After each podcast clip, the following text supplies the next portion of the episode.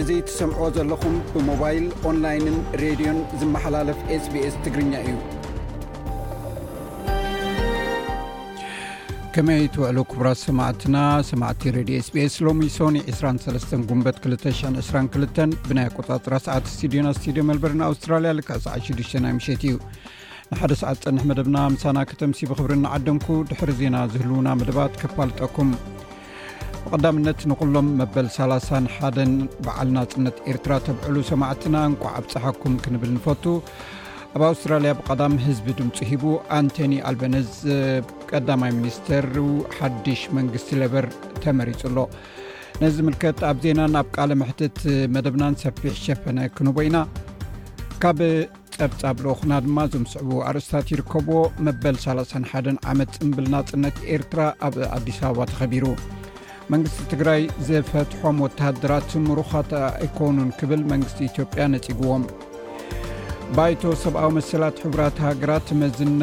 ፍሉይ ተኸታታሊ ሰብኣዊ መሰላት ኣብ ኤርትራ ክናዋሕ ተሓቲቱ ኣብ ኣውስትራልያ ዝተመርፀ ብኣንቶኒ ኣልባኒስ ዝምራሕ ሓድሽ መንግስቲ ለበር ስርሑ ጀሚሩ ኣሎ ምስቲ ዝሓለፈ መንግስቲ ሰልፊ ልፍንቲ ሊበራል ናሽናልስ ክወዳደር እንታይ ረብሓታት ፖሊሲ መንግስቲ እዩ ክረአ ነዚ ብዝምልከት ምስ ዶክተር ብርሃን ኣሕመድ ዝገበርናዮ ቃለምሕትት ኣሎና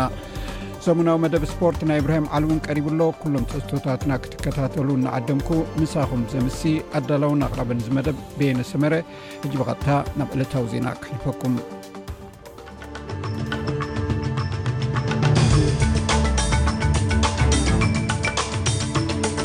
ኣርሳት ዜና ኣንቶኒ ኣልበነዝ ኣብ ካምቢራ ኣብ ዝርከብ ቤተ መንግስቲ ብምርካብ መበል 31 ቀዳማይ ሚኒስትር ኣውስትራልያ ኮይኑ ቃል ማሕላ ፈፂሙ ውድብ ጥዕና ዓለም ብዛዕባ እቲ ኣብ ቀረባ እዋን ኣብ መላእ ኣውሮጳ ተስኸሲቱ ዘሎ ሕማም ሞንኪ ፖክስ ንምዝታይ ህፁት ኣኼባ ፀዊዑ ማንቸስተር ሲቲ ኣብ ልዕሊ ኣስቶን ቪላ ሰለስተ ብክልተ ብምዕዋት ናይ ፕሪምየር ሊግ ቻምፒዮና ምዃና ዓቂባቶ እዚ ሬድዮ ስፔስ ብቋንቋ ትግርኛ ዝፍኖ መደብ እዩ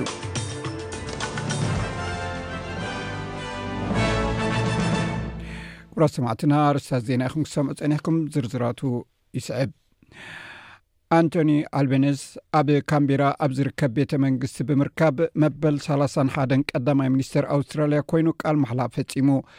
ቅድሚቲ ናብ ቶኪዮ ዝግበር ዲፕሎማስያዊ ኣኼባ ምካዱ እዩ ሎሚ ንግሆ ቃል ማሕላ ፈጺሙ ናብ ጃፓን ምስ መራሕቲ ኳድ ንምርኻብ ተጓዒዙ ኣሎ። ካልኦት ኣርባዕተ ሚኒስትራት ሰልፊ ለበር እውን ምሒሎም ኣለዉ። ምክትል ቀዳማይ ሚኒስትር ሪቻርድ ማለስ፣ ተሓዝ ገንዘብ ጂም ቻልምስ፣ ሚኒስትር ፋይናንስ ካቲ ጋልገሪ ከምኡውን ሚኒስትር ጉዳያት ወጻኢ ፔኒ ዎንግ ሓደሽቲ ሚኒስትራት ኮይኖም ቃል ማሕላ ፈጺሞም ዘለዉ እዮም።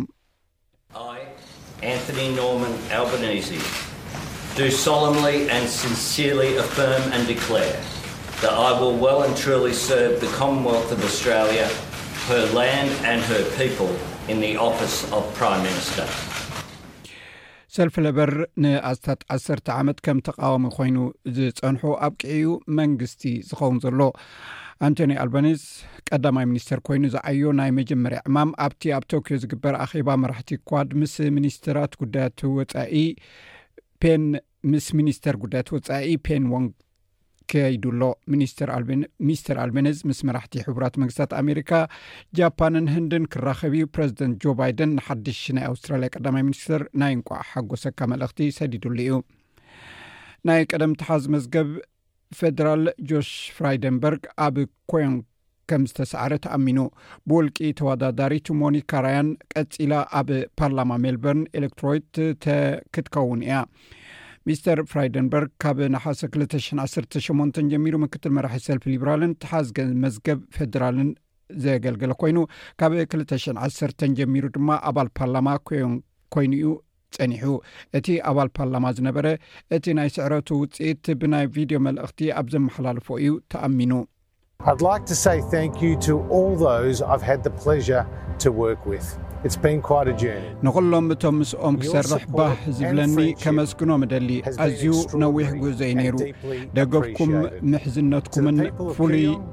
ባህ ዘብልን እዩ ንህዝቢ ኪዮንግ ኤመስግኖም ሕጂ ምስ ስድራ ቤተይ ዝያዳ ግዜ ክሕልፍ ብሃንቀውታ እጽበ ኣለኹ ኣብቲ ዝተገብረ ፈደራላዊ ምርጫ ካብ ናይ ቻይና ዘርኢ ንዘለዎም ከባቢ ብዙሕ መናብር ሰልፊ ጥምረት ብካልኦት ክውሰድ ተራእዩ እዩ መራሕቲ እቲ ማሕበረሰብ ከም ዝብልዎ ኣብ መንጎ ካምቢራን ቤይጂንግ ዘሎ ርክብ ብመንግስቲ ስኮት ሞሪሰን ብምሕርፋፉ ቻይናውያን ኣውስትራልያውያን ግዳያት ከም ዝገበሮም እዩ ዝስምዖም ኣብ ተኣፋፊ ዝፀንሐ ኣብ ከተማ መልበርን ዝርከብ መንበር ቹዝም ከምኡ እውን እቲ ናይ ሲድኒ ናይ ምርጫ ከባቢ ሪድ ልዕሊ 8ን ሚታዊ ድምፂ ናብ ሰልፊ ለበር እዩ ዛዝዩ ቤንሎን ናይ ኒው ሳውት ዌልስ መንዚ ናይ ቪክቶርያ ዲክን ናይ ቪክቶርያን ልዕሊ ሓሙሽ ሚታዊ ድምፂ ተወሲዱ እዩ ካብ ናይ ቻይናውያን ኣውስትራልያውያን ፎረም ሳይሞን ቻን እቲ ውፅኢት ዘገርም ኣይኮነን ይብል። ከም ዝመስለኒ ናብቲ ለበዳ ኮቪድ ዝጀመረሉ እዋን እዩ እዚ ዝመልሰና። ኣብቲ ግዜ እቲ ማለት ናብቲ ኣብ መንጎ ኣውስትራልያን ቻይናን ዝተረኣየ ኣሉታዊ ርእቶታትን ውጥረትን ዝረኣየሉ እዋን ኣሕሊፍና ኢና። እቶም ኣብዚ ዘለዉ ቻይናውያን ኣውስትራልያውያን ኣብ መንጎ መንግስቲ ቻይናን ኣብዚ ዝነብሩ ቻይናውያንን እኹል ዝኾነ ፍልልይ ከም ዘሎ ይስምዖም ስለዚ ኩሉ ግዜ መንግስቲ ቻይና ክንቀፍ ከሎ ንነብሶም ዝንቀፉ ዘለዎ እዩ ዝመስሎም ኣብ መወዳእታ ምቁፃር ድምፂ ፈደራል ምርጫ ብዙሓት ብውልቂ ዝተወዳደሩ ክዕወቱ ተራእዮም እዮም ኣልግራ ሰፕነር ኣብ ወንትዎርዝ ዓወት ከም ዘመዝገበት ዝተገልፀ ኮይኑ እቲ ዓወታ ንደቪድ ሻርማ ካብ ናይ ሲድኒ ሊብራል ሃርትላንድ መንበሩ ክሕደግ ኣገዲድዎ እዩ። ሚስ ስፐንደር ከም ዝሓበረቶ እዚ ውፅኢት እዚ ኣድመፅቲ ኣብ ለውጢ ክሊማን ንፅህና ወይ ኣብ ኢንተግሪቲ ስጉምቲ ክውሰድ ከም ዝደሊ እዩ ዝሕብር። ነዚ ሕቶታት እዚ ቀዳምነት ሂባ ኣበርቲዓ ክትቃለስ ምዃና እውን ገሊፃ።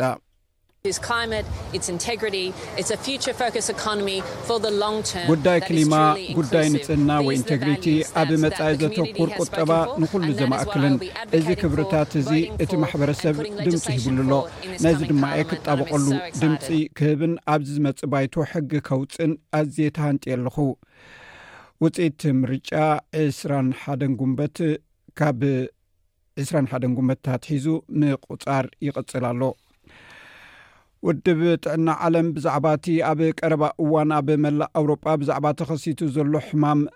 ሞንኪ ፖክስ ንምዝታይ ህፁፅ ኣኼባ ፀዊዑ እዩ። እዚ ተላባዒ ቫይረስ ኣብ ኣሜሪካ፣ ካናዳን ኣውስትራልያን ተራእዩ ኣሎ። ፈለማ ኣብ ኣህባይ ዝተራእየ ሞንኪ ፖክስ ኣብ ምዕራብን ማእከላይን ኣፍሪቃ ብብዝሒ ዝረአ ኮይኑ ብምቅርራብ ዝላገብ እዩ። መብዛሕትኡ ግዜ ምልክታት ረስኒ ቃንዛ ርእስን ዕንፍሩር ቆርበትን ምልክታት ኣለዎ ኣብ ዝሓለፈ ሰሙን ኣብ ጀርመን እቲ ዝዓበየ ባልዒ ናይቲ ቫይረስ ከም ዝተራእየ ተገሊጹ ነይሩ ብሓፈሻ ኣብ ኣውሮጳ ልዕሊ ሚእቲ ዝኾኑ ሰባት ከም ተለኽፉ ተረጋጊጹ ወይ ተጠርጢሮም ኣለዉ ዶክተር ቴሬዛ ታም ኣብ ካናዳ ሓላፊት ህዝባዊ ጥዕና እያ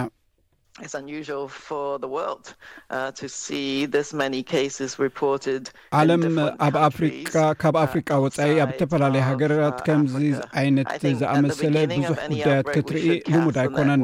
ኣብ መጀመርታ ዝኾነ ይኹን ሕማም ምስ ኣጋጠመ ነቲ መተሓላለፊ መስመራት ምእንቲ ክንርድኦ ነቲ መርበብና ናብ ገፊሕ ኢና ንሰዶ ዛጊት እኹል መረዳእታ ዝረኸብና ኮይኑ uh, ኣይስማዓናን እዚ ሕጂ ንሪዮ ዘለና ዓለም uh, ለኻዊ ኩነታት ኣብ ግምት ኣቲኻ ምናልባት ንብዙሕ ሰሙናት ኣጋጢሙ ክኸውን ዝኽእል ሕቡእ መተሓላለፊ ሰንሰላት ነይሩ ክኸውን ይኽእል እዩ ዝብል ግምት ኣለና ዛጊት ንሞንኪ ፖክስ ዝምልከት ፍሉይ ክታበት የለን ይኹን እምበር ውድብ ጥዕና ዓለም ስሞል ፖክስ ንምጥፋእ ዝዝውተር ክታበት ክሳብ 85 ሚእታዊ ኣድማዒ ኣንጻር እቲ ሕማም ክኸውን ይኽእል ምዃኑ ገሊጹ ኣሎ ብኻልእ ዜና ሓላፊ ውድብ ጥዕና ዓለም ለበዳ ኮቪድ-19 ኣይተወደአን ክብል ኣጠንቂቑ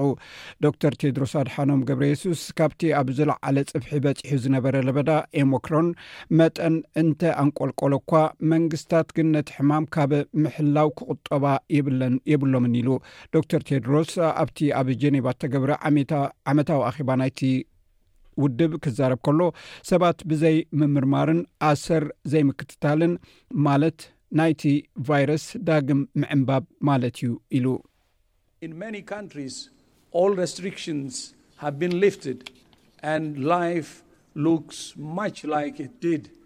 ካብቲ ኣብ ጥሪ ናይዚ ዓመት ዝነበረ ጸብጻብ እቲ ናይ ኦሚክሮን ማዕበል ለበዳ ኣዝዩ ጎዲሉ እዩ ካብ መጋቢት 220 ጀሚሩ ድማ ሞት ኣብ ዝተሓተ ደረጃ ይርከብ ኣብ ብዙሓት ሃገራት ኩሉ ቀይድታት ተላዒሉ እዩ ህይወት ድማ ቅድሚ እቲ ለበዳ ልክዕ ከምቲ ዝነበሮ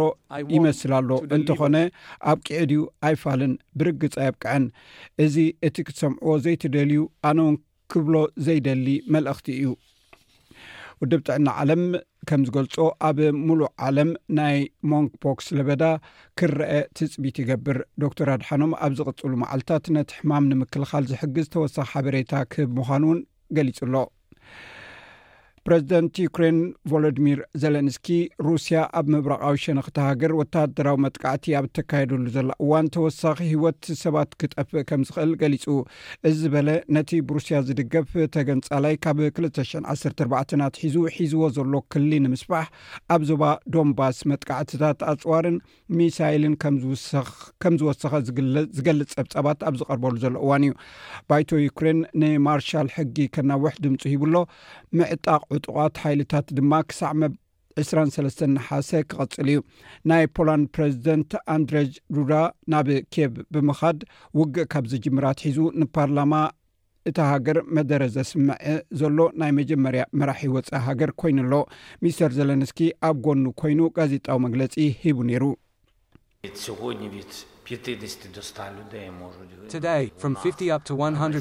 ሎሚ ካብ ሓምሳ ክሳብ ሚእቲ ዝኾኑ ሰባት ኣብ ምብራቕ ግዝኣትና ኣዝዩ ኣብ ኣጸጋሚ ዝኾነ ኣንፈት ክሞቱ ይኽእሉ እዮም። ንሳቶም ንህልዊ ኩነታትናን ንነፃነትናን እዮም ዝቃለሱ ዘለዉ እዚ ኩሉ ህዝቢ ዓለም ዝዛረበሉ ዝገብሎ ጉዳይ እዩ ኩሉ ሰብ ከምኡ ይብል ኣሉ ንሕና ግና ብውልቂ ዝስምዓና ነገር እዩ ስbስ ሻድሻይ ናይ ቴሌቭዝን ቻነል ሎሚ ክጅምር እዩ ስbስ ወርልድ ዎች ካብ ሰላ0 ሃገራት ንዝመፁ ኣህጉራዊ ናይ ዜና ኣገልግሎታት ክዝርግሕ እዩ በዚ ድማ ሰባት ብዝመረፁዎ ቋንቋ ናይ ዓለም ዜና ኣብ ቴሌቭዥን ክሰምዑ እዮም እቲ ን24 ሰዓታት ዝፍኑ ናይ ቴሌቭዥን ቻነል ናይ ስbስ ዓረብኛን ማንደሪናን ቋንቋታት ቀጥታዊ ዜና ከመሓላልፍ እዩ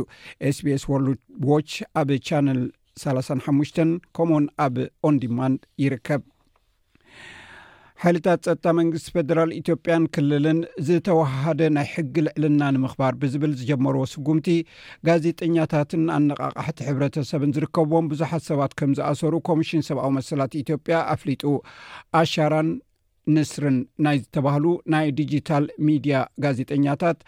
ናይ ኣማራ ብሄራዊ ንቅናቄን ናይ ፋኖ ዕጡቋት ጉጅለ ኣባላት ኣብዚ ቅንያት ካብ ዝተኣስሩ ይርከብዎም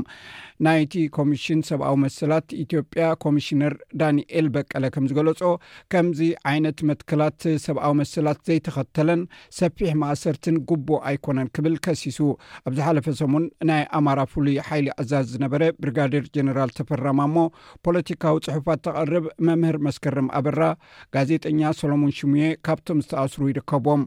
ኣሽራ ዝተባህለ ናይ ዲጂታል ሚድያ ሓሙሽተ ሰራሕተኛታት፣ ንስር ኢንተርናሽናል ብሮድካስቲንግ ኮርፖሬሽን ዝተባህለ ዲጂታል ሚድያ ኣርባዕተ ሰራሕተኛታቱ ከም ዝተኣስርዎ ንሮይተርስ ገሊጹ ኣሎ።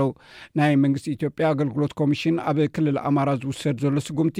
መጠነ ሰፊሕ ስጉምቲ ኣብ ልዕሊ ብዘይ ሕጊ ዝውውር ናይ ኩናት እቲ መሳርሕን ገንዘብን ብጉጅለ ተጠርኒፎም ውልቀ ሰባት ዘፍረይዎ ሃብቲ ንብረትን ዝዝርፉን ኣብ ምዕናውን ዝተዋፈሩ ብቅትለት ዝተጠርጠሩን ዒላማ ዝገበረ ምዃኑ ይገልጽ። ብዘይካዚ ብመንግስቲ ዝተዋህበ ምኽንያት እቲ ስጉምቲ ሓደ ህዝቢ ኣብ ልዕሊ እቲ ካልእ ብምግጫው እቲ ክልል ኣብ ዘይተረጋገኤ ኩነታት ዝሸሙ ዝዓለመ ምዃኑ ይገልጽ። ናይ ኮሚሽን ሰብኣዊ መሰላት ኮሚሽነር ዳንኤል በቀለ ብዝኾነ ይኹን ምክንያት ዝተኣስሩ ሰባት ስድርኦም ብኡ ንብኡ ክፈልጡን ናብ ቤት ፍርዲ ክቐርቡን ጸዊዑ።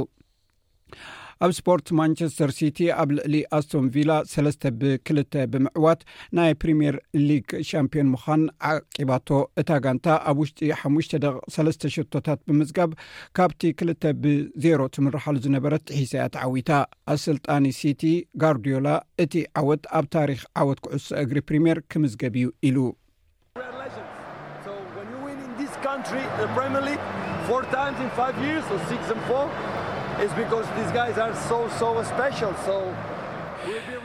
ተወሳኺ ዜናታት ስፖርት ኢብራሂም ዓሊ ኣብ ዘቕርቦ ሰሙናዊ ጸብጻብ እዞም ዝስዕቡ ኣርእስታት ሒዙ ክቐርብ እዩ ግጥማት ኣትሌቲክስ ኣልማዛዊ ሊግ ናይዚ ወቕቲ ኣብ ከተማ በርሚንግሃም ተኻይዱ ኢትዮጵያን ኣትሌታት ኣብ 500 ሜትሮ ብዓብላሊ ተዓዊተን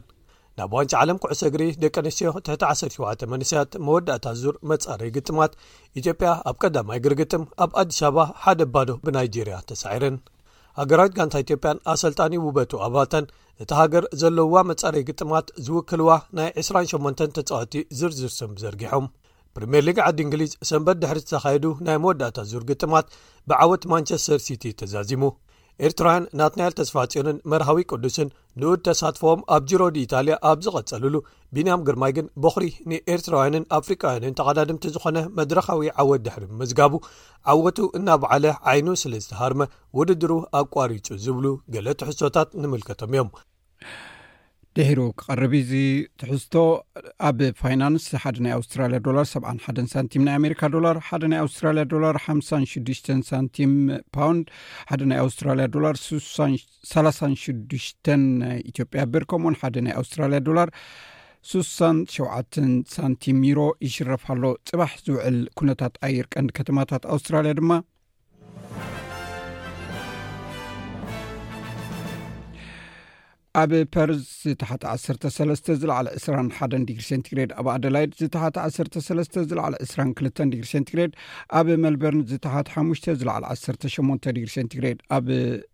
ሆባርት ዝተሓተ ኣርባዕተ ዝለዕለ ዓሰርተ ኣርባዕተ ዲግሪ ሰንቲግሬድ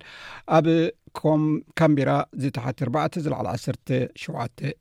ኣብ ሲድኒ ዝተሓተ ዓሰርተ ሰለስተ ዝለዕለ ዕስራ ኣብ ብሪስበን ዝተሓተ ዓሰርተ ሓሙሽተ ዝለዕለ ዕስራን ሓደን ዲግሪ ሰንቲግሬድ ኣብ ዳርዊን ፅባሕ ዝተሓተ ዕስራን ሰለስተን ዝለዕለ ሰላሳን ኣርባዕተን ዲግሪ ሰንቲግሬድ ሰማዕትና ዜና ወዲእና ኣለና ምስ ዝተረፉ ትሕዝቶታት መደብና ምሳና ክተምስዩ ደጊመ ዕድመኩም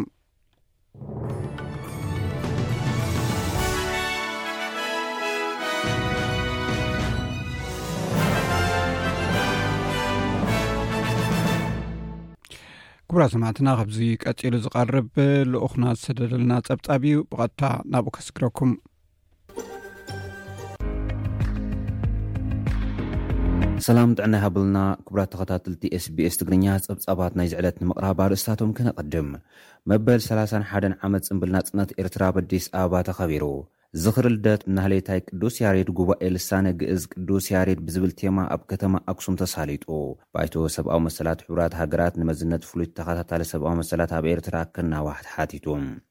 መንግስቲ ኢትዮጵያ እቶም ካብ ትግራይ ዝተፈትሑ ምሩኻት ናተይ ኣይኮኑን ክብል ነጺግዎም። ቅድሚ ሕጂ'ውን ብኣዘዝቲ ሰራዊት ኣቢሉ ኣብ ዘርገሖ ሓበሬታ፣ ስኑዕ ቪድዮ እምበር ዝተማረኹ ወተሃደራት ከም ዘይኮኑ ክገልጽ ጸኒሑ'ዩ።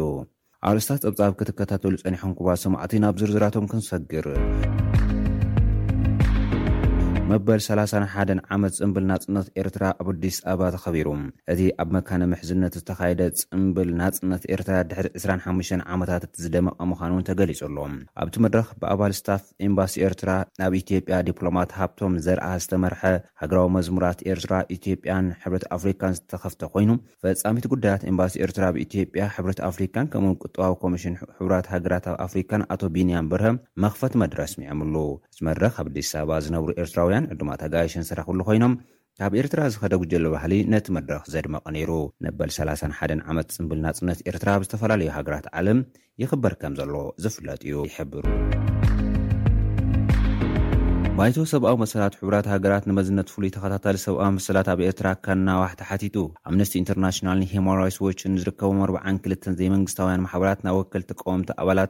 ተዓዘብትን ቤት ምኽሪ ሰብኣዊ መሰላት ሕቡራት ሃገራት ኣብ ዝጸሓፍዎ ደብዳቤ ነቲ ጠለብ ኣቕሪቦም ኣለዉ። መበል ሓምሳ ጉባኤ እቲ ቤት ምኽሪ ካብ ዓሰርተ ሰለስተ ክሳብ ሸሞንተ ሓምለ ክልተ ሽሕን ዕስራን ክልተን ኣብ ጀነቫ ስዊዘርላንድ ዝካየድ ኮይኑ ንጉዳይ ሰብኣዊ መሰላት ኣብ ኤርትራ ክዝቲ ትጽቢት ይግበረሉ። እቲ ባይቶ ኪንዮ ምንዋሕ መዝነት እቲ ፍሉይ ተኸታታሊ ሰብኣዊ መሰላት ብሰብ መዚ ኤርትራን ዝፍጸም ጥሕሰታት ሰብኣዊ መሰላት ክገልጽን ክኹንንን ተጸዊዑ ኣሎ። እቲ ቤት ምኽሪ ኣብ ኤርትራ ንኤርትራ ኣመልኪቱ ኣብ ዘሕለፎ ውሳነ፣ ምምሕያሽ ኣተሓሕዛ ሰብኣዊ መሰላት እንተሃልዩ ንምርኣይ ከም መወከሲ ዘገልግል ዝርዝራት ክቕመጥ ከም ዝግባእ እውን እቶም ኣካላት ጠሊቦም ኣለዉ። እቲ ኤርትራ ኣባል ዝኾነት ኣብ ጀኔቫ ዝመደብሩ ቤት ምኽሪ ሰብኣዊ መሰላት ኣብ ሓምለ ክልተ ሽሕን ዕስራን ሓደን ኣብ ዘሕለፎ ውሳነ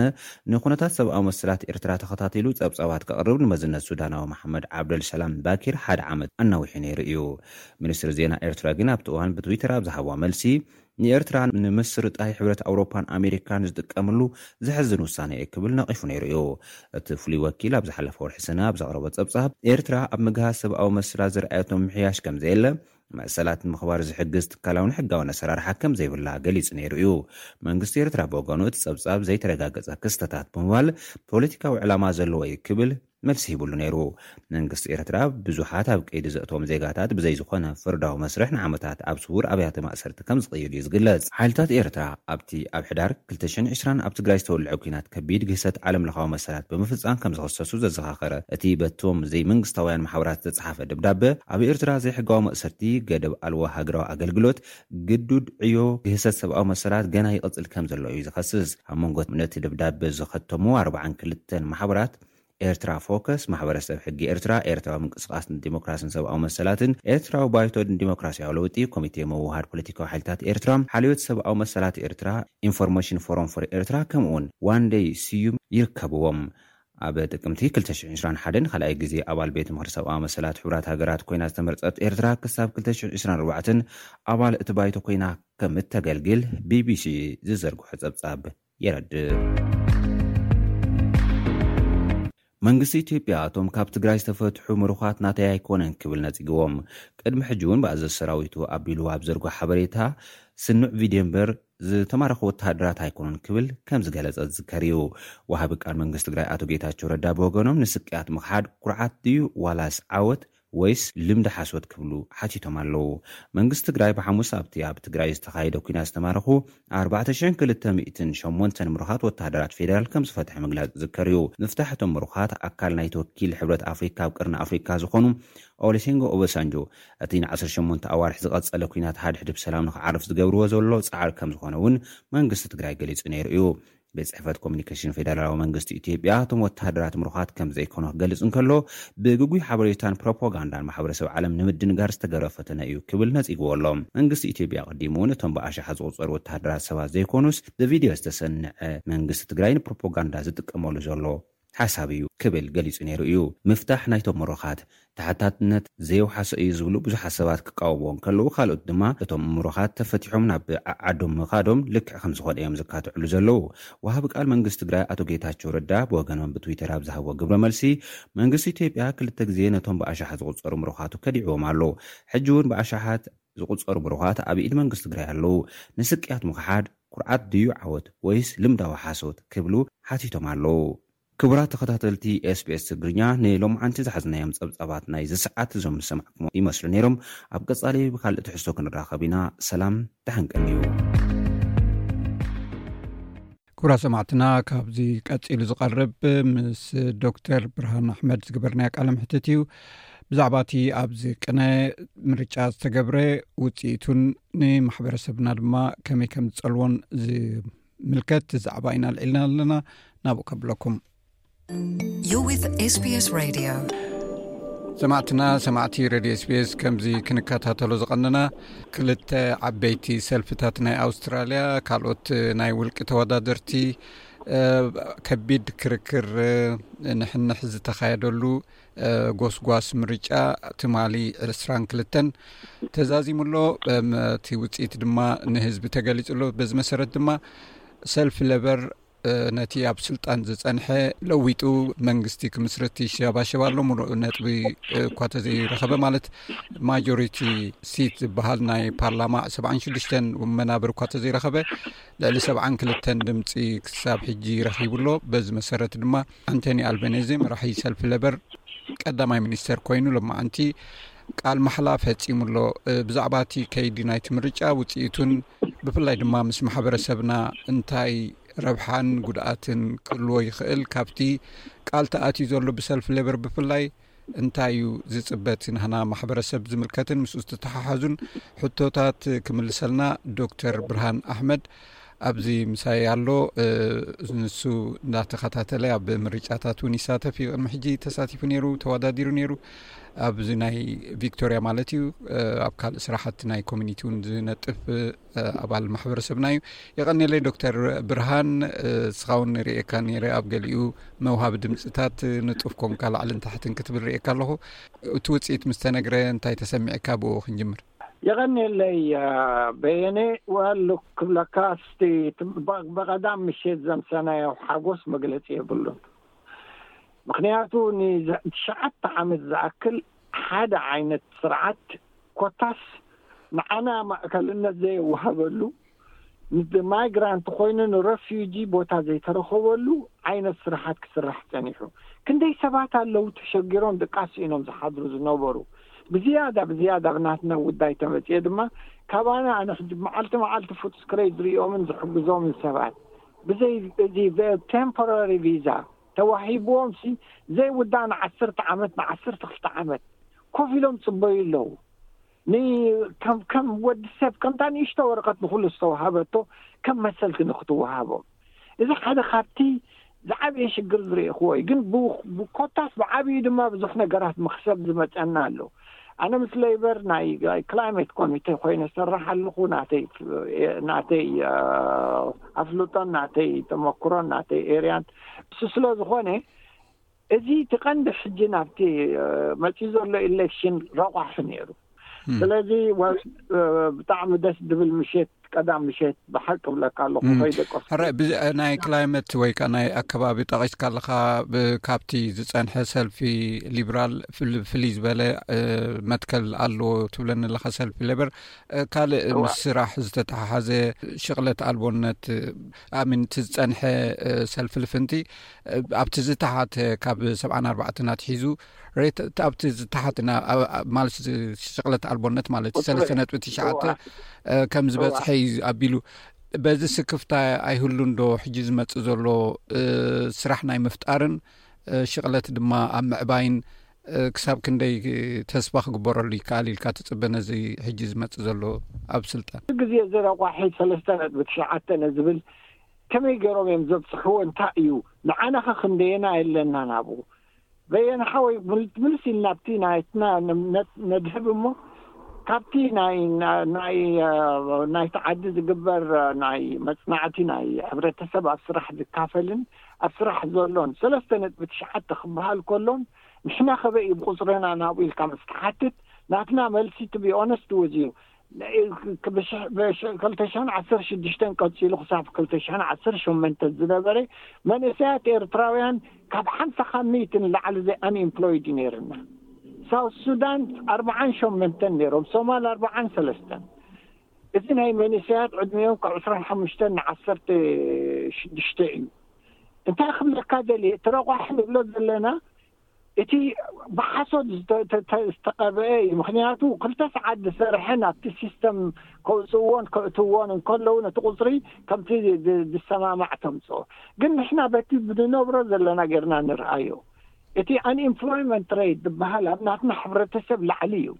ብሓፈሻዊ ኣገላልጻ እቲ ዝበለጸ ካብቲ ናትና ሕብረተሰብ ንኣብነት ኢትዮጵያውያን ዓሰርተ ኣርባዕተ ካብ ሚእቲ ኣለዎም ንሕና ብሓፈሻዊ ኣገላልጻና ማለት እዩ ካብቲ ኣዳልት ፖፕሌሽን ንሕና ካብ ዓሰርተ ትሽዓተ ንዕስራ ዝበዝሕ ቁጽሪ ኣንኤምፕሎይመንት ረይት ኣለና ኣብ ናይ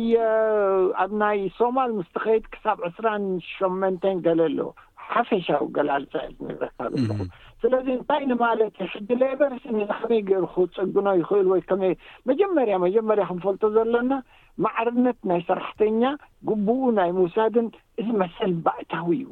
እዚ ሕቶ ክንገብረሉ የልብናን። ለዚ እዩ ድማ ሌበር ትንዓና ዘድልየና። ሌበር ብሓፈሽኡ እንተርኢናዮ ንማይግራንት እቲ ዝበለጸ ኩነታት ንሕና ከም ሕብረተሰብ ንኣብነት ተበልካንሲ ንምንታይ ንሌበር ንድምፅ ዶ ንሊበራል ዶ ንካልእ ንዝብል ሕቶ ክምልሰልካ ተኮይነ ንሕና ከም ሓደሽቲ ሰባት ኣብዚ ዓዲ ክልተ ረቋሕቲ ኣለውና ከምቶም ከቶም ካልኦት ክንከው ንሶም ድማ እንታይ ሓደ ፍሪ ኤዱኬሽን ትምህርቲ ብነፃ ኮይኑ ደቅና ክመሃሩ ምክንያቱ ደቅና ምስ ተማሃሩ ኢና ንሕና ዓወት ናትና ክንርኢ ካልኣይ ሌበር እዩ እቲ መስራቲ ናይ ዩኒቨርሳል ሄልዝ ፍሪ ሄልዝ ኬር ዝገበረልና ሕጂ እዚ ፍሪ ሄልዝ ኬር ክልተ ነገራት ወዲ ሰብ ተረኺቡ ምዕቡል እዩ ሓደ ትምህርቲ ነፃ ካልኣይ ናይ ጥዕና ምክልኻል እዘን ክልተ እዚኣተን ንኻልኦት ነዲቐን ንዓና እውን ክነድቃና ዝኽእላ እየን ሕራይ ካልእ ማለት ቃል ዝኣተዎ ሰልፊ ሌበር እንታይ እዩ እቲ ሚኒማም ወጅ ዝበሃል ከልዕሎ ብሓደ ዶላር ዝብል እዚ ነቲ ናህና ማሕበረሰብ ክሳብ ክንደይ ጥቕሚ ኣለዎ ኢልካ ትግምት ብሓቂ እዚ ብዙሕ እቲ ዝጠቐመ ንዓና እዩ እምበኣር እዚ ጉዳይ እዚ ብማይግራንት ዓይንን ብረፊጅን ተርእኻ እዩ ንሓቢኦም ዘስርሕዎም ምኽንያቱ ክእለት ስለ ዘይብሎም ሕጊ ፍልጠት ስለ ዘይብሎም መኪቶም ነቲ ስራሕ ነቲ ስራሕ ኣይክፈለኒ ክብልዎ ዝኽእሉ ኣብነት የብሎምን። እዚ ድማ እቲ ዩኒየን እቲ ናይ ሌበር ፓርቲ ፓወር ኣብዚ የድህብ። ማንም ሰራሕተኛ መሰል ናቱ ተዓቂቡ በቲ ዝወሓደ ምክንያቱ ሕጂ እንታይ ኮይንና ኣለና ከም ትሪኦ ዘለኻ እቲ ናይ መንበሪ ገንዘብ ውሕደና ኣሎ ኮስት ኦፍ ሊቪን ኢዝ ቢካሚንግ ሃየር ሕጂ ነዚ ነዚ ክኾነና ዝኽእል ሓደ እቲ ሰራሕተኛ እትዋት ናቱ ምስቲ ምስቲ ናብራ ዝመጣጠን ክኸውን ኣለዎ። እዚ ድማ ኣገዳሲ እዩ ምኽንያቱ ንሕና ከም ሓደሽቲ ሕብረተሰብ ሓንቲ ዘላህና ንደቅና ክነጠጥዕ እንተኾይንና እቲ መሰል ናትና እቲ በይዚክስ ሒዝና ንደቅና ምቹእ ትምህርትን ዘይክፈሎ ምቹእ ጥዕናን እንተተበርኪትሎም ብሓቂ ኣብ ዝመፅእ ዘሎ ጀነሬሽን ዕውታት ክንከውን ኢና ስለዚ እዚ መሰረታዊ ኢና ዓና ስለዚ ብቐጥታ ይፀልወና እዩ ኢኻ ትብለን ዘለካ ካልእ ሓንቲ ነጥቢ እውን ዓንቲ ወይ ጥቕስ ኣቢልካያ ዝነበርካ ኣብቲ ናይ ምምፃእ ስደተኛታት ዝምልከት ዳርጋ ተመሳሳሊ መትከል ዩ ዘለዎም እቲ ዝፀንሐ ሰልፊ ልፍንትን እዚ ዝመፅእ ዘሎ ሰልፊ ሌበርን ስለዚ በዚ መንፅር ዝኸ ምክንያቱ ብዙሓት ክሓቶም ከለኹ ኣብዚ ማሕበረሰብና እንታይ እቲ ዘገድሰኩም ኣብዚ ምርጫ ንድሕሪ ኢልካዮም ኣሕዋትና ክነምፅእ ኣብ ፈቐዶ መደበር ስደተኛታት ዘለዉ ገለ ዘለዉ ንዕኦም ንምእታው እዩ ዝብል ዘረባታት ይሰሚዐ ሞ እዚ ውፅኢት ናይ እዚ ምርጫ እንታይ ለውጢ ከምፅ ኣብዚ ጉዳይ እዚ ዋል ብሓቂ ክብለካ ሌበር ሌበር ነዚ ጉዳይ እዚ ብዙሕ መንገዲ መኪትሉ ኣሎ ንኣብነት ሌበር ቅድሚ ትሽዓተ ዓመት ዝገበሮ ናይ ስደተኛታት ንምምጻእ ዓሰርተ ሸሞንተ ሽሕን ሸውዓተ ሚእትን ሓምሳን እዩ ነይሩ። ካብኡ ቀጺሉ ንድሕሪ ሰለስተ ዓመት ንዕስራን ኣርባዕተን ሽሕ ክነብጽሖ ኢና ተሓሲቡ ነይሩ። ብኣንጻሩ ሊበራልስ ካብ ዓሰርተ ሸሞንተ ሽሕን ሸውዓተ ሚእትን ሓምሳን ሓሙሽተ ሽሕ ኣጉዲሎም ዓሰርተ ሰለስተ ሽሕን ሸውዓተ ሚእትን ሓምሳን ኣብ ዓመት ከም ዝመጹ ስደተኛታት ገይሮም። እቲ ቁጽሪ ካብቲ ዝነበረ ኣውሒዶሞ። ሕጂ ሌበር መኪትዎ ካብ ዘሎ ሓደ ግሪንስ እውን ክሕግዝዎ እዮም። እቲ ቁጽሪ ናይ ስደተኛታት ንምምጻእ ክልዕል ኣለዎ። ሕጂ ካብ ዓሰርተ ሰለስተ ናብ ዓሰርተ ሸሞንተ ዝነበሩ ክምለስ ኣለዎ። ሓደ ካብቲ ተመኪትዎ ዘሎ እዚ እዩ። እዚ መሰረታዊ እዩ። ካልኣይ ድሕሪኡ እውን እቲ ቁጽሪ ንክውስኽ ይሕተት ኣሎ። ንኣብነት ምስ ግሪንስ ካብ ተዛረብክዎ ሌበር እውን ውሽጢ ኮይኖም ብሕራይ ዝብልዎ ዘለው ግን ኣብ ሌበር ክልተ ፋክሽንስ ኣሎ ከመይ ጌርካ ንክልቲኦም ኣተረዳዲእካ ተምፅኦ ሕቶ እዩ ግን ንሕናኸ ግዴና እንታይ እዩ ትምዝራብ ግዴና ምሕታት እንታይ እዩ ኮፍ ኢልና ዝወደቐ ጥራሕ ዲና ክንኣሪ ወይስ ንሕና እውን መሰል ሃሊና ክንሓትት ኢና እንተደይ ሓቲትና ኣይንረክብን ኢና ሕጂ ንኣብነት ንኣብነት ናይ ኣፍጋን ሕቶ መፅዩ ንኣብነት ናይ ዩክሬንያን ሕቶ መፅ ኣሎ ናትና እውን እቲ ዝኸፍአ ዝነብሩ ዘለዉ ግን ንዛረበሉ የለና ኢና ኣብ ገዛና እናተቆንዘና ኮፍ ኢና ንሪኦ ኣለና ኣነ ሕጂ ንኣብነት ከም ኣብነት እየ ክብለካ ኣብዚ ኤሌክሽን ንክንደይ ሰባት ሓቲተ እዮም ክሳተፉ ክሳብ ዓሰርተ ሰባት ረኪበ ግን ብዝበዝሐ ንሕና ክንረአ ኣለና ምክንያቱ ጥራሕ ሓቲትካ ኣብ ከይትካ ነታ ግዜ ተድልየካ ከይትካ ትሓተሉ ይኮነን ክተበርክት ኣለካ ዝሃበ ክወስድ ይኽእል ሪስፖንስቢሊቲ ፎር ዮር ራይትስ እንድሕር መሰል ናትካ ክትረክብ ደሊኻ ግቡእካ ክተወፍኽ ትክእል ኣለካ ማለት ተሳትፎና ክነዕዝዝ ኣለና እዩ ዝብል ዘሎ ዶክተር ብርሃን ምናልባት ማለት ውልቃዊ ሕቶ ክሓተካ ከም ዝፍለጥ ቅድሚ ሕጂ ኣብ ግሪንስ ንዖም ትድግፍን ኣብኡ ወኪልካ ውን ገለ ምንቅስቃሳት ትገብር ነርካ ብድሕሪ እውን ምስ ካልእ ንእሽተይ ግሩፕ ኣቢልካ ነርካ ኣብዚ እዋን ክርእካ ከለኹ ግን ናብ ሰልፊ ለበር ትድግፍን ትማጎትን ብዛዕባኦም ዘለካ ኮይኑ ዝሰምዓኒ ሞ ንምንታይ ከምዚ ዓይነታት ለውጢ ትገብር ኣለካ እንታይ መስለካ እቲ ጉዳይ ከምኡ ዘግብረካ ሓደ እንታይ እዩ ሉክ ሃይማኖት ኣይኮነን ሓደ ደሪቀ ኣነ ስቲ ሌፍት ዝኮነ ወይ እቲ ናይ ፀጋም ወይ እቲ ናይ ሶሻል ጃስትስ ዝኣምን ሕብረተሰብ ምስ የድዋረን ሕጂ ናብኡ ድማ እንታይ እዩ እቲ ናይ ንዓይ ዝግድሰኒ እቲ ናይ ሶሻል ጃስቲስ እሹ ክርከብ ከሎ እዩ ንኣብነት ምስ ግሪንስ ካብቲ ሓደ ዝረእኽዎ ኣብ ውሳኔ ንክበጽሕ ኣብ መንግስቲ ውሑድ እዩ ትዕድልካ ሕጂ ኣብ ሌይበር ኣብ ሌይበር ግን ትሽግር እንታይ መስለካ ከም ዝበልኩኻ ንበይነ እየ ናብቲ ተሳታፍነት ናተይ ዓይነት ሰብ የለን ኦኬ ሓይሊ ክህልወኒ እንተኾይኑ ኣብ ዝኾነ ግዜ ሰብ ክህሉ ኣሎ ምሳኻ ምስ ካልኦት ተዳቂለ እየ ዝነብር ዘለኹ ናትና ኣካል ኣይሳተፍን ኮይኑ እምበር ኣብ ሕጂ ኣብ ሌበር ንኣብነት ኣብዚ ሕጂ መንግስቲ ዘስፍንዎ ዘለው ዕድል ኣለና ዕድል ኣለኒ ግን እንታይ እቲ ዕድል ምሳኻ ሰብ ክህሉ ኣለዎ እቲ ሰብ ሓታቲ ክህሉ ኣለዎ እቲ ሰብ ተረኣይ ክኸውን ኣለዎ ቁፅሪ ከም ዘለካ ክትፍለጥ ኣለካ ኣነ ናብ ናብ ናብ ናተይ ሕብረተሰብ ዝርእዮ ክልተ ረቋሒታት እዮም ሓደ እዚ ሌበር ዝገብሮ ዘሎ ዩኒቨርሳል ሄልስ ኬር ሕጂ ከመይ ጌርና ነደልድሎ ኣብ ውሽጡ ምክንያቱ ኣነ ዝግድሰኒ እዚ ዝበቁል ዘሎ ናትና ሓድሽ ወለዶ ከምቶም ካልኦት ተማሂሮም ኣብ ዕድል ዝበጽሑ ከምኣቶም ክንበጽሕ ተኾይና እዘን ክልተ ረቋሒታት እዚኣተን ከስፍን ኣለኒ ብቲ ናይ ፖሊሲ ናይ ጋቨርነመንት ምክንያቱ ጆይንት ፖሊሲስ ኣሎ ምስ ሌበር ግሪንስ ዝገብርዎ ስለዚ ንኣብኡ እናሰራሕካ ክትቀፅለሉ ትኽእል ሕቶታት ኣሎ እቲ ከም ንፈልጦ ብዝተፈላለየ ረቑሒታት ናብራ ኣዝዩ ከቢሩ ኣሎ እዚ ሓድሽ መንግስቲ ምምፅኡ ኣብ ናብራ እንታይ ዓይነት ለውጢ ከምፅእ ይኽእል ካብቲ ትሪኦ ማለት ዩ ካብቲ ዝሃቦ መብፃዕታት እውን ተመርኪዝካሲ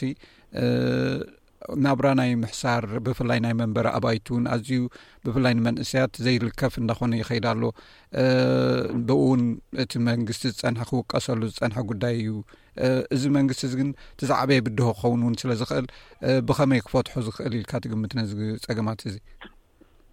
እወ እንታይ መስለካ ሕጂ ሌበር ካብቲ ዝገበርዎ ባጀት እውን ካብቲ ከውድቆም ኢሉ ሊበራል ዝተፃወትሉ ሸውዓተ ነጥቢ ሓሙሽተ ቢልየን ዝያዳ ናብቲ ልቓሕ ክውስኹ እዮም እዚ ድማ ነቲ ኢንተርናል ኢኮኖሚ ስቲሙሌሽን ንምግባር እዩ ከመይ ንማለት እዩ እዚ እቲ ዘለና ከመይ ገና ነጠጥዖ እቲ ናይ ስራሕ ምክንያቱ ሕጂ ካብ ዘለና ኢና ተለቂሕና ኢና ንጥቀም ዘለና እዚ ልቓሕ እዚ ጠጠው ክነብሎ ይኮና ናብ ናይ ጥዕና ጉዳይ ዘድሊ ንኣብነት ኣውስትራሊያ ሕጂ ማይ ሰራሕተኛታት የድልዩ ኣለዉ ሕጂ ካብቲ ዘሎ ናይ ጥዕና ጉዳይ ሕጂ ደቅና ንካልእ ሰራሕተኛ ብዙሕ ስራሕ ክፍጠር ኣለዎ ኣብ ናይ ጥዕና ጉዳይ ከምኡ ዝኣመሰለ እዚ ናይ ካልእ ዓይነት ሰርቪስስ ደሎ ንዓና ዝርእየና እዩ ንሕና ብብዝሒ ንሰርሓሉ ዘለና እዩ ኣብዚ ናይ ክፍሊት ጉዳይን ናይ ስራሕ ምብቋልን ብዙሕ ግደ ክጻወት እዩ እዚ ድማ ነቲ ናብራ ናይቲ ፋሚሊስ ክዕርየሉ ይኽእል እዩ ነቶም ክሰርሑን ከተጥዑን ዝኽእሉ ቦታ ይፈጠረሎም ይብላ ኣሎ ናይ ጥዕና ጉዳይ ሕጂ ካብ ኮቪድ ዝመፀ ሽግራት ብዙሕ ዓይነት ይቕፅል ኣሎ ነዚ ጉዳይ እዚ ስራሕ ምፍጣርን ናብራ ምዕራይን ንማለት እዩ ሕጂ እቲ ገንዘብ ከውፅዎ ሓሲቦም ዘለዉ ነቲ ጎዲሉ ዘሎ መምልኢ ናብ ውሽጥና ምክንያቱ ከም ቀደም ዝነበረና ናይ ኤክስፖርት ናይ ካልእ ዕድላት ንግዜኡ ተሸንቂቑ ኣሎ እዚ ድማ ኣብ ጉዳይ ናይ ኮቪድ እዩ ግን ኣብ ሓፈሽኡ እንተርእናዮ ሌበር ሰቨን ፖይንት ፋይቭ ቢልዮን ዶላር ኣብቲ ኣብቲ ፎር ይርስ ባጀት ድፍሲት ክገብሩ እዮም። እዚ ድማ እንታይ እዩ ነቲ ዘሎ ናይ ውሽጢ ሃገር መጠጠዒ ባይታ ምፍጣር ማለት እዩ። ግራውንድስ ምስ ተጠጠዑ ሕጂ ንኣብነት ኣብዚ ናይ ኢንቫይሮንመንት ንብል ዘለና ኒው ቴክኖሎጂ ክነምፅእ ክንክእል ኣለና ኣለና ብዙሕ ክእለት ነዚ ኒው ተክኖሎጂ ዝፈጥረልና ዝክእል ኣለና ብዙሕ ብልሓት ነቲ ጉዳይ ዘለና ክብሪ ክነዕርየሉ ንክእል ኣብዚ ብዙሕ ሓድሽ ሰራሕተኛታት ክንፈጥር ክንክእል ኣለና እቲ ሓደ ዝብሎ እንታይ እዩ እቲ ናትና ሕብረተሰብ ኣብ ናይ ስራሕ ፍለክሲቢሊቲ ክህልዎ ኣለዎ ኣብ ናይ ሞያ ምፍራይ ክእለት ድሌት ክህልዎ ኣለዎ ምክንያቱ ሕጂ ካብ ብሕጂ ንዝመፅእ ኣውስትራሊያ ኢዝ ናውለጅ ን ሰርቪስ ኢኮኖሚ ነዚ ናውለጅ ን ሰርቪስ ኢኮኖሚ ክንበቅዕ እንተኮይና ብዝከኣለና ብ ዘለናዮ ክእለትና ምምሕያሽ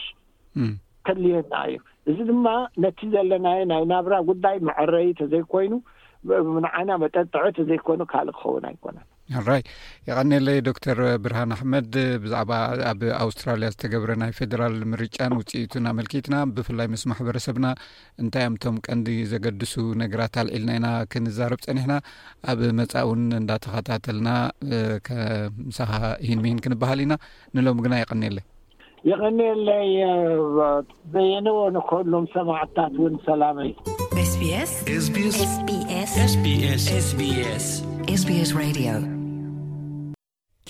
ኩብራ ሰማዕትና ካብዚ ቀፂሉ ዝቀርብ ሰሙናዊ መደብ ስፖርት እዩ ኢብራሂም ዓሊ ኣዋሂድዎ ኣሎ ናብኡ ከስግረኩም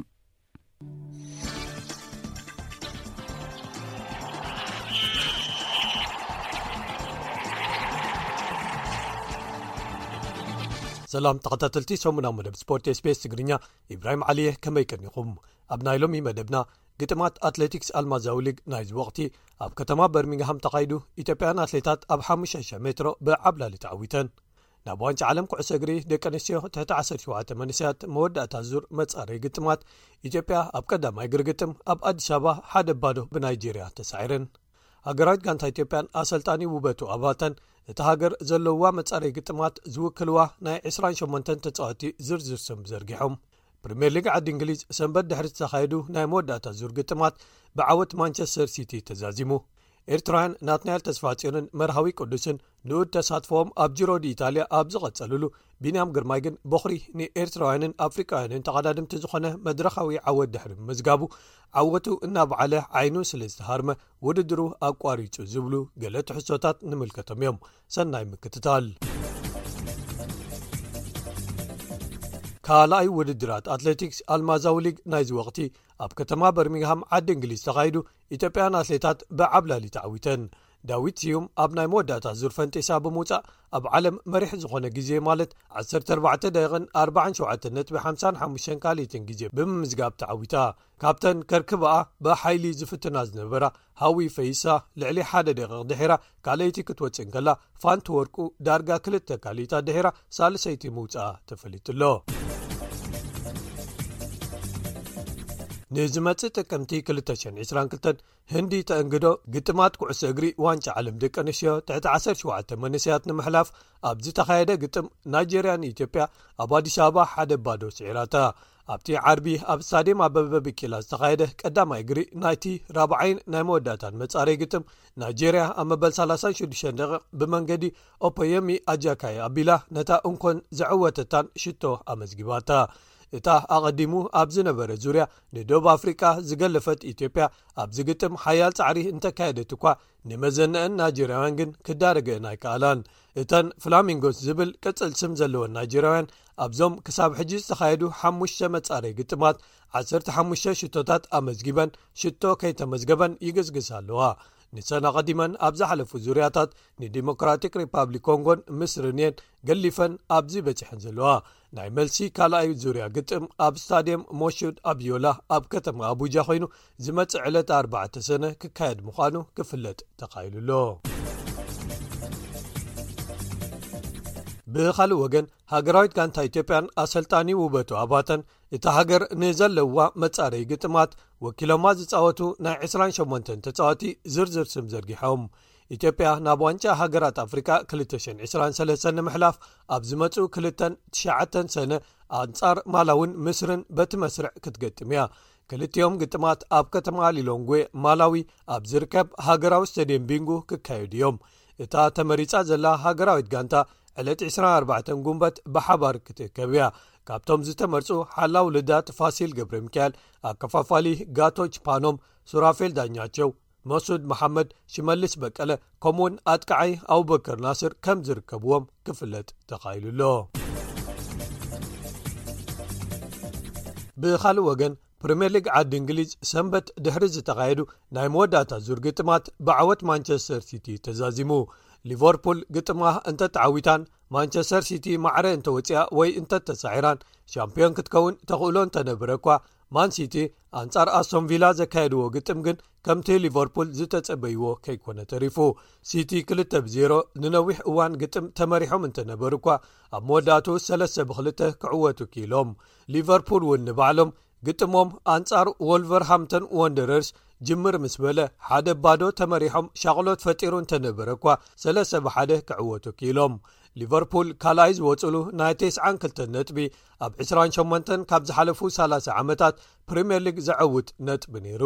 ሎሚ ዓመት ግን ከምኡ ኣይኮነን ንታሕተዋይ ደረጃ መነን ናይ መወዳእታ ኮይና ትወርድ ዝውስኑ ክልተ ግጥማት እውን ተኻይዶም ነይሮም ሊድስ ካብ ሜድኦም ወፃይ ኣንፃር ብራይተን ብምዕዋቶም በርንሊ ኣብ ሜድኦም ብኒውካስትል ስለ ዝተሳዕሩን በርንሊ ነተን ቀዲመን ምውራደን ዘረጋገፃ ኖርዊችን ዋትፈርድን ተፀንቢሮመን ኣለው ንቻምፒዮንስ ሊግ ኤውሮጳ ምሕላፍ ዝውስን ራብዓይ ደረጃ መን ወሰደ ኣብ ዝተኻየዱ ግጥማት ቶተንሃም ኣብ ልዕሊ ኣርሴናል ፀብለልታ ሒዛ ኣትያ ናብ ኖርዊች ብምጋሽ ብገፊ ሓሙሽተ ባዶ ብምዕዋት ንዓመታ ኣብ ቻምፕንስ ሊግ ኤውሮጳ ክትጻወት ምዃና ኣረጋጊጻ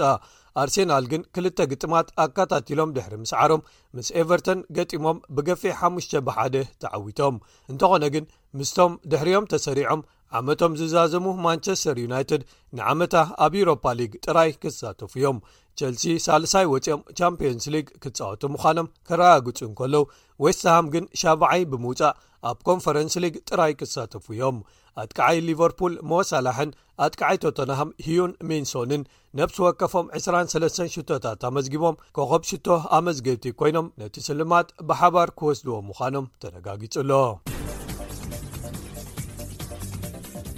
መበል 1ሓ ቅድድም ምሽክለታ ጅሮ ዲኢታልያ ሰንበት መበል 15 መድረኹ ብምክያድ ይቕጽል ኣሎ እቲ ዝዓበየ ዜና ናይ ዝሓለፈ ሰሙን ዝነበረ ኮኸብ ኤርትራዊ ቢንያም ግርማይ ንፈለማ ግዜ ብዝኾነ ኤርትራዊ ይኹን ኣፍሪቃዊ ዝተመዝገበ መድረኻዊ ዓወት ምጉንጻፉ እዩ ቢንያም ድሕሪ እዚ ዓወቱ ኣብቲ ንሱ ዝወዳደረሉ ምድብ ንነጥቢ ኣብ መሪሕነት ምስ ዝነበረ ፈረንሳዊ ኣኖ ደማር ካብ ጋንታ ጉሩፓማ ኤፍdj ዝነበሮ ፍልሊ ናብ ክልተ ነጥቢ ኣጽቢብዎ ነይሩ ግን ቅድድሙ ብምኽንያት ኣብ ዓይኑ ዘጋጠሞ ማህረምቲ ከቋርጽ ብምግዳዱ ንኤርትራውያንን ኣፍሪቃውያንን ደገፍቲ ዘሕዘነ ነይሩ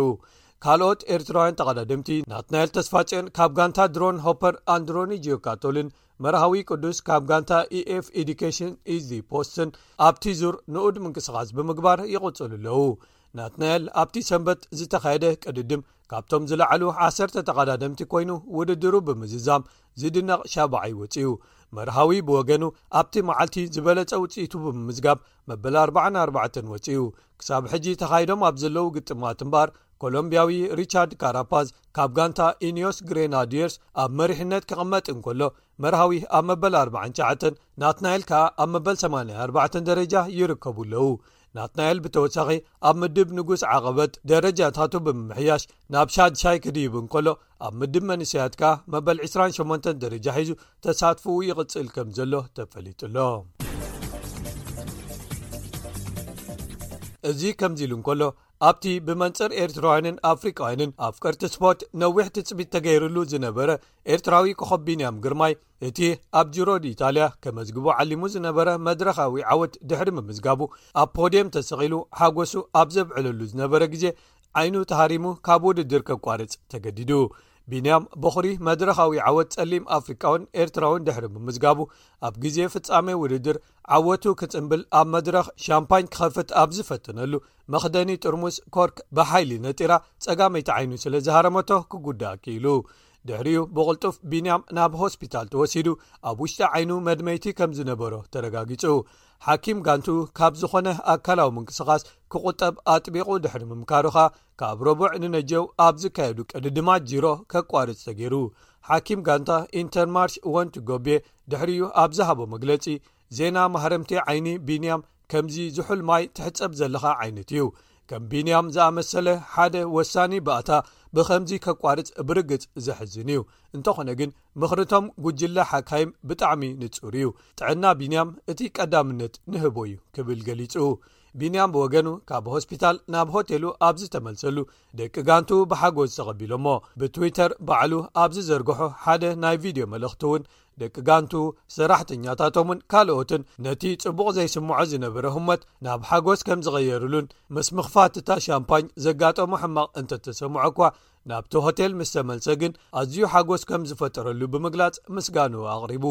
ፈለማ ኩሎም ሰጊኦም እንተ ነበሩ እኳ ደሓን ምዃነይ ምስ ኣረጋገጹ ኵላትና ተሓጒስና ንዓይነይ ዕረፍቲ ክህባን ክትሓውን ክትሕይልን ስለ ዘለዋ ዕረፍቲ የድልየኒ እዩ ሕጂ ደሓን እየ ኣብ ቀረባ ግዜ ክንራኸብ ኢና ብምባልካ ንደገፍቱን ፈተውቱን መልእኽቱ ኣመሓላሊፉ ከም ዘሎ ተፈሊጡሎ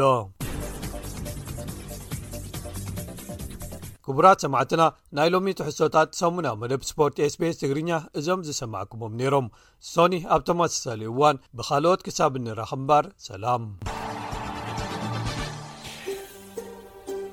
ክቡራት ሰማዕትና ክሳብ ኣርእስታት ዜና ሒዘ ዝምለሰኩም በዘን ማሰን መልቀስን ናይ ኣቦታት ክትዛነዩ ክገድፈኩም። ኣቶ ኣብርሃ መድህን ዘኾሎ ሽመጃናይ ዓዶም። መምህር ገብረጻድቕ ዝበሃሉ ፈላሲ በዓል ጨፋ ኣብ ገዳም ደብረ ሊባኖስ እንዳ ኣባ መጣዕ መንኲሶም ሚእቲ ዓመት ምስ ገበሩ እዮም ሞይቶም። ኣቶ ኣብርሃ መድህን ካብ ሽመጃና መጺኦም ከምዚ ክብሉ ልቀሱ። ኣቦይን ጎይታይን ወለላ መልሓሶም ነዚኦም ደኣ እንታይ ክልቀሶም ቀደም ዶ ይመነኑን ብንኡሶም ስጋኦም ዝሃቡ ክንዲ ነብሶም ቦኽረ ጻድቕ ኣለዎም ዋሕሶም ማእከል ገነት ክኣትዉ ጥሒሶም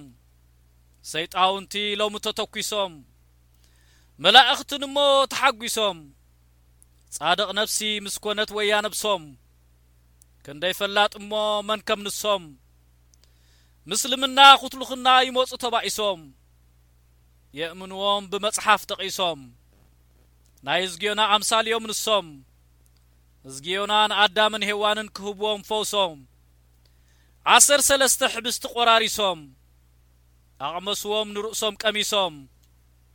ዓሰርተ ክልተ ካልእ ሳልሰይቲ ንሶም ሚእቲ ዓመት እንድሕር ጠሪሾም ጽቡቅ ከይዶም ማባኡ ይሕሾም ኣቶ ነጋሽ ሳግላ ኣብቲ ቀብሪ ከምዚ በሉ ዕድሜኹም ዶ ኮይንዎ በቂዑ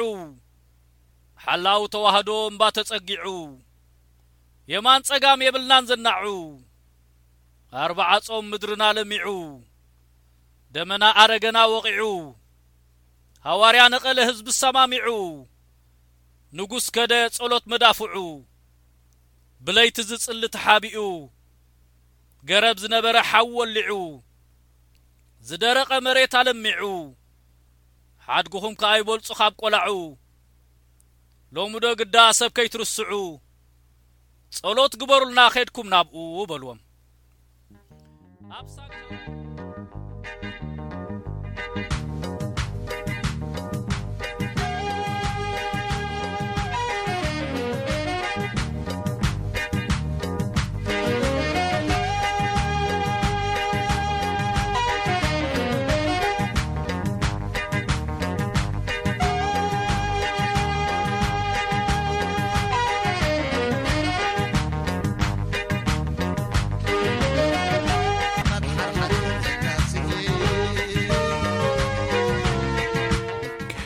ክቡራት ሰማዕትና ቀደ ዘ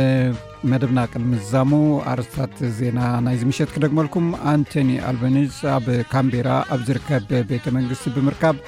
መበል 31 ቀዳማይ ሚኒስተር ኣውስትራልያ ኮይኑ ቃል ምሕላ ፈፂሙ ወደብ ጥዕና ዓለም ብዛዕባ እቲ ኣብ ቀረባ እዋን ኣብ መላእ ኣውሮጳ ተኸሲቱ ዘሎ ሕማም ሞንኪ ፎክስ ንምዝታይ ህፁፅ ኣኼባ ፀዊዑ ማንቸስተር ሲቲ ኣብ ልዕሊ ኣስቶን ቪላ 3 ብ2 ብምዕዋት ናይ ፕሪምየር ሊግ ሻምፒዮና ምዃና ዓቂባቶ ሰማዕትና መደብና ዛዚምና ኣለና ምሳኹም ዘምሰኹ ኣዳላውን ኣቕራቢ ንዝ መደብ ቤነ ሰመረ ነቶም በዓል ናፅነት ኤርትራ ተኽብሩ እንቋዕ ኣብፀሓኩም እናበልና ኣብ ዝመፅእ መደብና ብካልእ ፅሕዝቶታት ይራኽበና ክሳብ ሽዑ ሰላም ቅነ